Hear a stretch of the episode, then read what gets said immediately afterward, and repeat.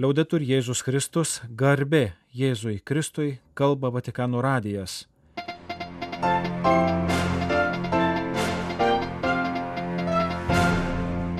Malonus klausytojai šioje programoje. Popiežiaus pirmadienio audiencijos pramogų parko asociacijai ir San Marino kapitonams regentams.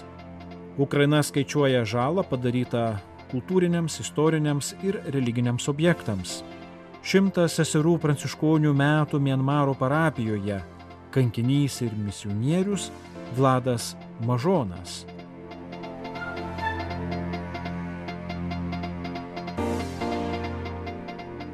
La Chiesa continua ad accompagnarmi, annunciandovi Cristo Salvatore, il quale percorreva città e villaggi portando a tutti l'annuncio gioioso del regno di Dio. Bažnyčia laimina ir lydi keliaujančių pramogų parkų darbuotojus, jiems kelbė Kristų išganytoje, kuris keliaudavo po miestus ir kaimus, visiems kelbdamas džiugėją Dievo karalystės žinę, pasakė popiežius Pranciškus audiencijoje pirmadienį Italijos nacionalinės pramogų parkų asociacijos nariams. E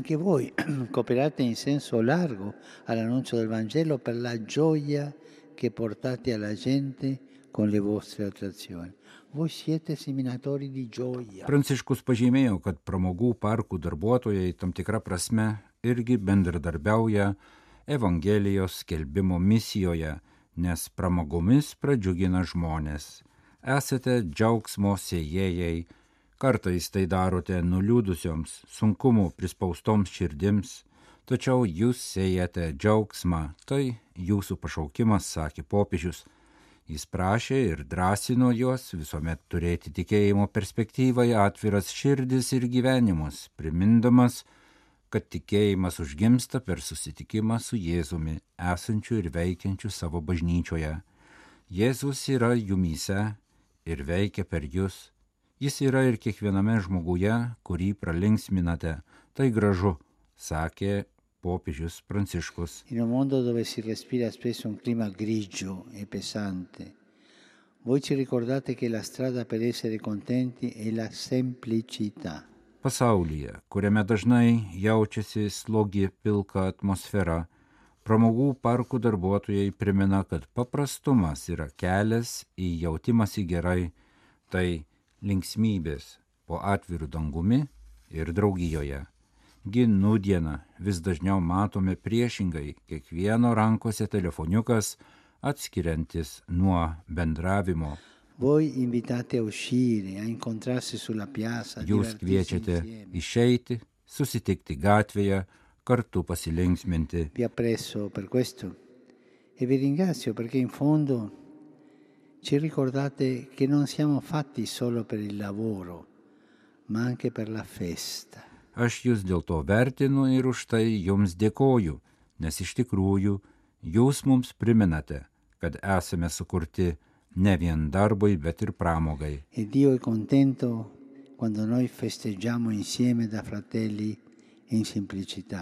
O Dievas džiaugiasi, kai mes su paprastumu švenčiame kartu kaip broliai, pažymėjo Romos vyskupas. Joktis ir linksminti, dovanoti šypsnį, kuris pralinksmintų, yra jūsų pašaukimas - sėti šypsnius, džiaugsmą ir taiką, padovanoti gyvenimo horizontą, kuris būtų teigiamesnis už tą, kurį žmonės galbūt tuo momentu išgyvena. Suteikdamas palaiminimą, Pranciškus pavedė keliaujančių pramogų parkų darbuotojus švenčiausiai mergeliai Marijai, pas savo sūnų vedančiai keliaujančiųjų motinai ir kitiems pramogų parkų dangiškiesiems globėjams, tarp kurių ir šventajam Jonui Bosko. Popiežius Pranciškus pirmadienį kovo 20 dieną audiencijoje priėmė Mariją Luizą Berti ir Manuel Čavatta, San Marino Respublikos kapitonus regentus pagal pareigas, kartu einančius valstybės vadovo pareigas. Po susitikimo su Pranciškumi San Marino Respublikos kapitonai regentai lankėsi Vatikano valstybės sekretorijate, kur jos priėmė kardinolas Pietras Parolinas, valstybės sekretorius, lydimas monsinjoro Miroslavo Vachovskio, Vatikano pasekretoriaus santykiams su valstybėmis. Pokalbiuose valstybės sekretorijate, bet višalių ir San Marino Respublikos visuomenės gyvenimui aktualių klausimų buvo aptarti tarptautinio pobūdžio klausimai. Ypatingas dėmesys skirtas poslinkiams Ukrainoje, informavo pirmadienį komunikate Vatikano spaudos salė buvo aptarti ir nemažiau svarbus Europą ir migraciją liečiantys klausimai. Abi šalys atkreipė dėmesį į puikius tarpusavio santykius ir išsakė bendrą norą sustiprinti Šventojo sosto ir San Marino Respublikos bendradarbiavimą daugia šalės diplomatijos sferoje. Kijevo ekonomikos mokykla vykdo kelis projektus, kuriais siekiama dokumentuoti ir nustatyti Rusijos invazijos žalą Ukrainos įmonėms bei infrastruktūrai. Ji vertinama keliolika milijardų dolerių. Pasak 2023 kovo 16 paskelbtos ataskaitos, žala kultūriniams, istoriniams ir religiniams objektams viršyje pusantro milijardo dolerių. Nukentėjo ir UNESCO pasaulio kultūros paveldo sąraše esantis pastatai. Stebėjimo ir vertinimo projekto pavadinimu Rusija turės atlyginti, autoriai nurodo, kad surinko žinių apie 2148 padarytos žalos, dalinai ar visai sugriaunant atvejus. Nukentėjo 703 kultūros namai, rūmai, arba centrai. 348 bažnyčios ir kiti religinės paskirties objektai. Taip pat 82 muziejai ir 22 teatrai. Nukentėjo taip pat kino teatrai, bibliotekos, istorinės atminties monumentai ir memorialai, meno mokyklos. Daugiausia žalos istoriniam, kultūriniam ir religiniam Ukrainos paveldui padaryta Harkivo, Donetsko ir Luhansko sritise, ko net du trečdaliai visų atvejų. Tačiau, kaip rodo Kijevo ekonomikos mokyklos sukurtas žalos žemėlapis, žalos neišvengia ir tolimiausiai nuo fronto linijos esantis regionai. Dėl nuolatinio bombardavimo nukentėjo istorinis Harkivo centras, įskaitant nacionalinį operos ir baleto teatrą kuris yra įtrauktas į UNESCO pasaulio kultūros paveldo sąrašą, taip pat Harkivo dailės akademija. Donetsko srityje nukentėjo taip pat UNESCO sąraše esanti bažnyčia Svetohirsko Laura, 500 metų senumo vienuolynas Antolos. Labai nukentėjo Mariupolio miesto kultūriniai objektai - vietos kraštotyros muziejus, Archipo Kuindžio vardo šiuolaikinis meno muziejus. Taip pat visi atsimena visiškai sugriauto Mariupolio dramos teatro vaizdus. Nuo karo nukentėjo Maskvos Dievo motinos bažnyčia, taip pat esanti UNESCO sąraše.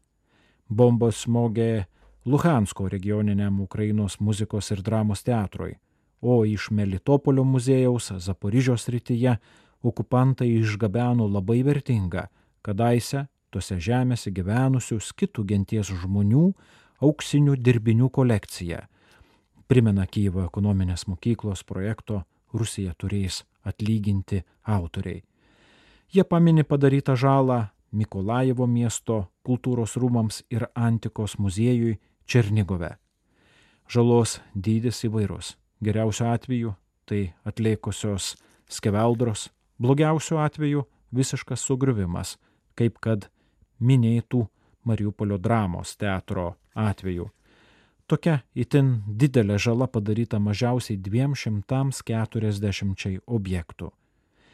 Kijevo ekonomikos mokykla taip pat dokumentuoja bendrą Rusijos invazinio karo padarytą žalą. Pasak 2023 m. sausio mėnesio ataskaitos, jis siekia 13 milijardų dolerių, o netiesioginė žala dar didesnė sunaikintos dešimtis didžiulių valstybinių ir privačių įmonių, šimtai mažesnių. Jų apyvarta siekia dešimtis ar šimtus milijonų dolerių. Labiausiai nukentėjusių ir didžiausių įmonių sąrašo viršuje du Mariupolio metalurgijos gigantai, tapę dramatiškų kovų centru - Ilyčiaus ir Azovstalo gamyklos. Apie Azijos katalikų bendruomenių gyvenimą informuojantis Radio Veritas pasakoja apie šimtą Marijos misionierių pranciškonių metų Prang Hekudung parapijoje, Kačinų valstijoje Mienmare, ištveriant sunkmečius, nepriteklius ir, kaip šiandien, karą. Marijos misionierės pranciškonės į tuometinės Birmos teritoriją atvyko dar 1819-aisiais tačiau ilgą laiką darbavosi išskirtinai Mandalajaus mieste buvusiame Rupsuotųjų priežiūros centre. 20-ojo amžiaus pradžioje vienas Paryžiaus užsienio misijų kunigas įsteigė mokyklą Prang Hekudungo vietovėje ir jam reikėjo pagalbos rankų. Atsiliepdamos jo kvietimą 1923 vasario 11 dieną pirmosios šešios Marijos misionierės pranciškonės atvyko į naują parapiją ir čia liko ilgam. Jos dirbo ne tik mokykloje, kadangi aplinkui siautėjo įvairios lygos, tačiau nebuvo jokios ligoninės, jos taip pat atidarė medicininį sveikatos priežiūros punktą. Pamačiusios, kad daug vaikų lieka našlaičiais, įsteigė našlaičių namus, kuriuose kartais gyvendavo iki 300 vaikų. Nors ir stengiasi kovoti su skurdu ar lygomis, Misionierės pranciškonės pačios tuo dalinosi. Gyveno labai kukliomis sąlygomis, dirbo sunkiai, keliavo arkliais. Kai kurios pačios užsikrėtė lygomis ir mirė, bei buvo palaidotos Prang Hukudungo žemėje. Antrojo pasaulinio karo metu misionierių veikla buvo sustabdyta, visos tuometinės seserys areštuotos ir laikomas Mandalajaus bei Banvavo miestų kalėjimuose Karui pasibaigus teko viską pradėti iš naujo. Į parapiją sugrįžo penkios seserys vadovaujamos vyresniosios pranciškos. Deja, mažiau nei po metų ji mirė. Nedideliai misijai tai buvo didelis smūgis. Prie iš kitų kraštų atvykusių misionierių prisidėjo vietinės moteris, kurios davė įžadus ir tai leido bendruomenė išlikti, kai netrukus po sunkaus 1962-63 metų pilietinio karo laikotarpio 1966 buvo nurodyta iš šalies išvykti visiems misionieriams iš užsienio. Deja, panaši situacija pasikartojo ne kartą. 2011 metais dėl naujų pilietinių susirimimų. Marijos misionierės pranciškonės kartu su aplinkinių gyvenviečių žmonėmis atsidūrė perkeltųjų stovykloje. Paskutinių dviejų metų pilietiniuose susirėmimuose po kariuomenės surenkto perversmo Prang Hekodungo pranciškonių bendruomenė tiesiogiai nenukentėjo, tačiau buvo sudegintas jų bendruomenės vienuolynas Čantaro vietovėje Mandalajaus arkiviskupijoje, kaip ir šalia buvusi XIX amžiaus pabaigos bažnyčia. Šimto metų jubiliejus Prang Hekudungo parapijoje buvo paminėtas su Banmavo vyskupu, keliolika kunigų ir apie pusantro tūkstančio tikinčiųjų. Galima pridurti, kad prieš metus Banvavo viskupijoje atidarytas naujas Marijos misionierių pranciškonių vienuolynas. Jis pastatytas Htang Nija gyvenvietėje netoli sienos su Kinija. Šventųjų skelbimo dikasterija įgaliojo Marijonų kongregaciją pradėti penkių jos narių beatifikacijos ir kanonizacijos bylą. Vienas iš jų lietuvis kankinys, Dievo tarnas tėvas Vladas Mažonas. Marijonas kunigas, žurnalistas ir pedagogas Vladas Mažonas gimė 1881 metais telšiuose. Išventintas kunigu 1906 metais. 1924 metais įstojo į Marijonų kongregaciją.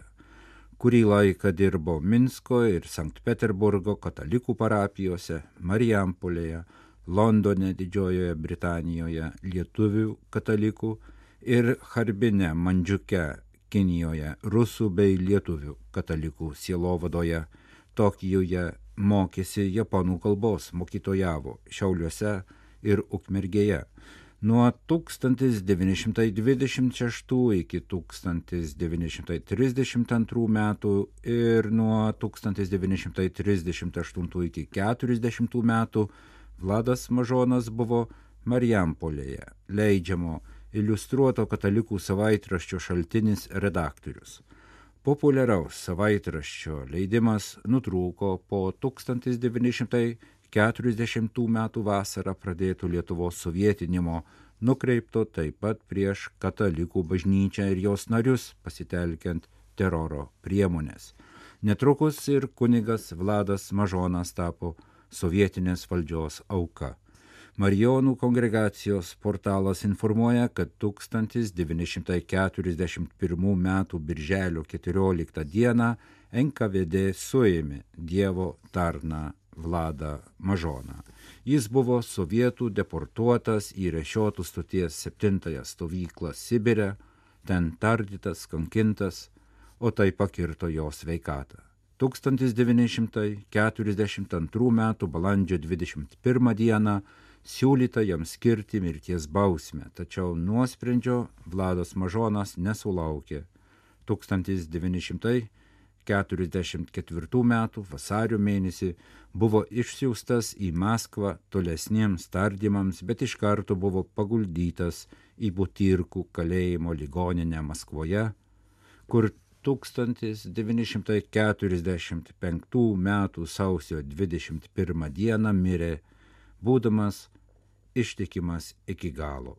Marijonų kongregacijos, bendradarbiaujant Varšuvos arkivyskupijai pradėta penkių Marijonų kanonizavimo byla, pavadinta Dievo tarno Fabiano Abrantovičiaus ir keturių bendražygių vardu. Visi jie buvo tikėjimo kankiniai, kentėjo ir mirė nuo komunistinio sovietinio režimo, rankos pažymi Marijonų portalas. Penki beatifikacijos ir kanonizacijos byloje minimi Marijonai Dievo tarnai yra rytų apieigų katalikų archimandritas tėvas Fabianas Abrantovičius, jo įpėdinis tėvas Andrew Cikoto, tėvas Eugenijos Koleša, tėvas Vladas Mažonas ir tėvas Jonas Mendriksas.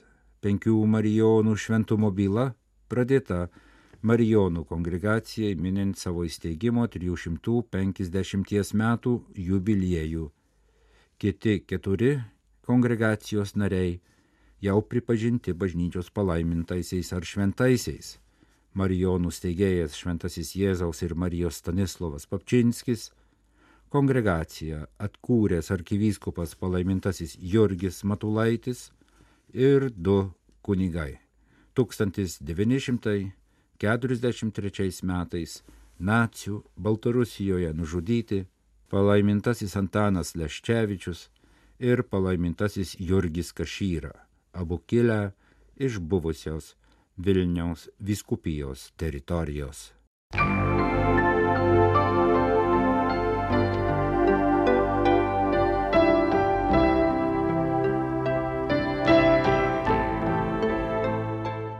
Malonus klausytojai laidą lietuvių kalba baigiame. Kalba Vatikano radijas. Garbė Jėzui Kristui, liaudai turi Jėzus Kristus.